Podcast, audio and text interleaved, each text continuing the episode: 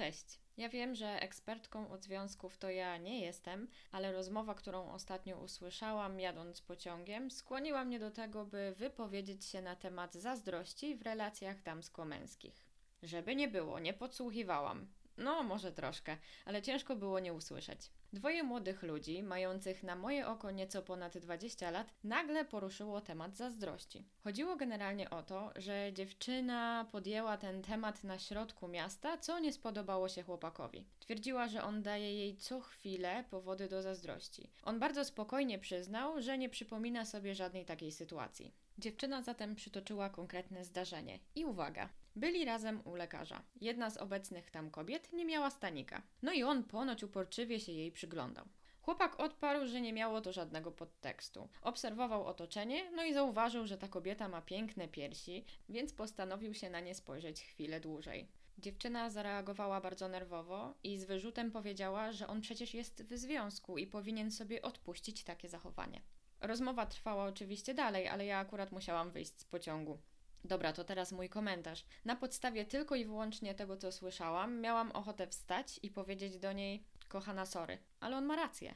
Niestety nie mam na tyle odwagi i trochę boję się nieobliczalności ludzi, więc tego nie zrobiłam. Po pierwsze, tak silne zafiksowanie się na tak w zasadzie nieistotnych pierdołach pokazuje absolutny brak zaufania. Faceci to nie są zwierzęta. Uwaga, uwaga, mają mózgi i wbrew przekonaniu niektórych kobiet używają ich do myślenia. To nie jest tak, że złapałaś sobie faceta i musisz trzymać go blisko, bo inaczej ucieknie i zacznie atakować wszystko, co się rusza. Bycie z kimś to wybór, a nie nakaz. Chyba nawet zwierzęta domowe nie dają się kontrolować w 100%, prawda? Warto pamiętać, że jeżeli ktoś ma zdradzić, to to zrobi, tak czy siak, i nic jego czy jej nie powstrzyma. Moim zdaniem tylko związek oparty na zdrowej, partnerskiej relacji, zaufaniu i szacunku ma szansę przetrwać. Trzeba sobie dać przestrzeń i respektować prywatność tej drugiej osoby. Tak, prywatność. Związek to wbrew ogólnemu przekonaniu nie jest stawanie się jedną zbitą, bezpłciową mazią, robiącą wszystko razem. Związek to dwoje ludzi, którzy świadomie wybierają, by iść przez życie razem. Po drugie, po to mamy oczy, żeby ich używać.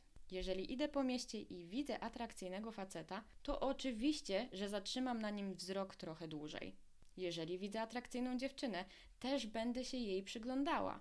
Cóż ja mogę powiedzieć, jestem estetką. Tak samo jest w przypadku mojego partnera. Nieraz o tym rozmawialiśmy, nieraz przyglądaliśmy się komuś razem. Doceniamy to, co nas otacza, czy to są ludzie, zjawiska, czy emocje. Zazdrość spowodowana tym, że ktoś popatrzył na piersi innej kobiety, jest moim zdaniem straszliwie niedojrzała. Skoro już na początku związkowej drogi jest to problemem, to co będzie później? Droga przez mękę?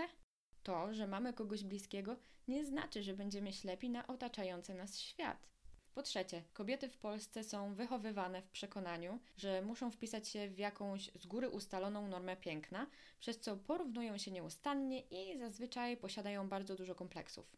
Ta norma jest dosyć mocno wyśrubowana i podrasowana Photoshopem, więc nie bardzo osiągalna.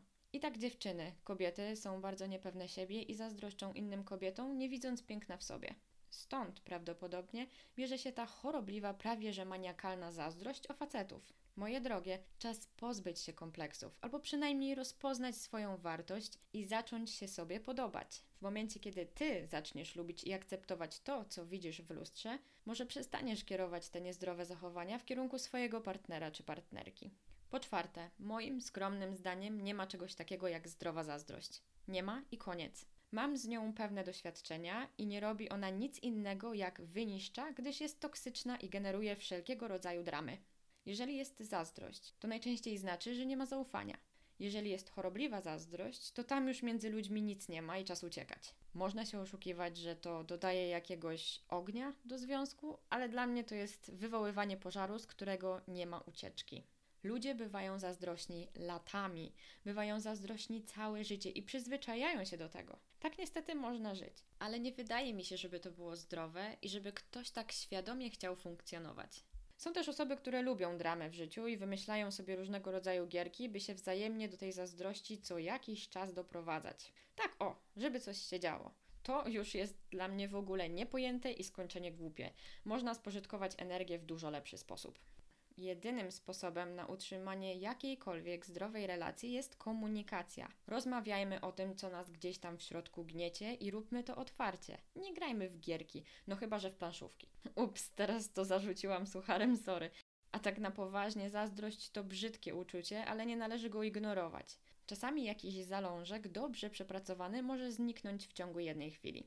To tyle na dziś i jak zwykle zapraszam do przesłuchania także innych odcinków, wsparcia w postaci kliknięcia przycisku obserwuj, zarówno tutaj na Spotify, jak i na Instagramie. Tak na koniec życzę Wam, by Wasze relacje z ludźmi były zawsze zdrowe i szczere. Trzymajcie się.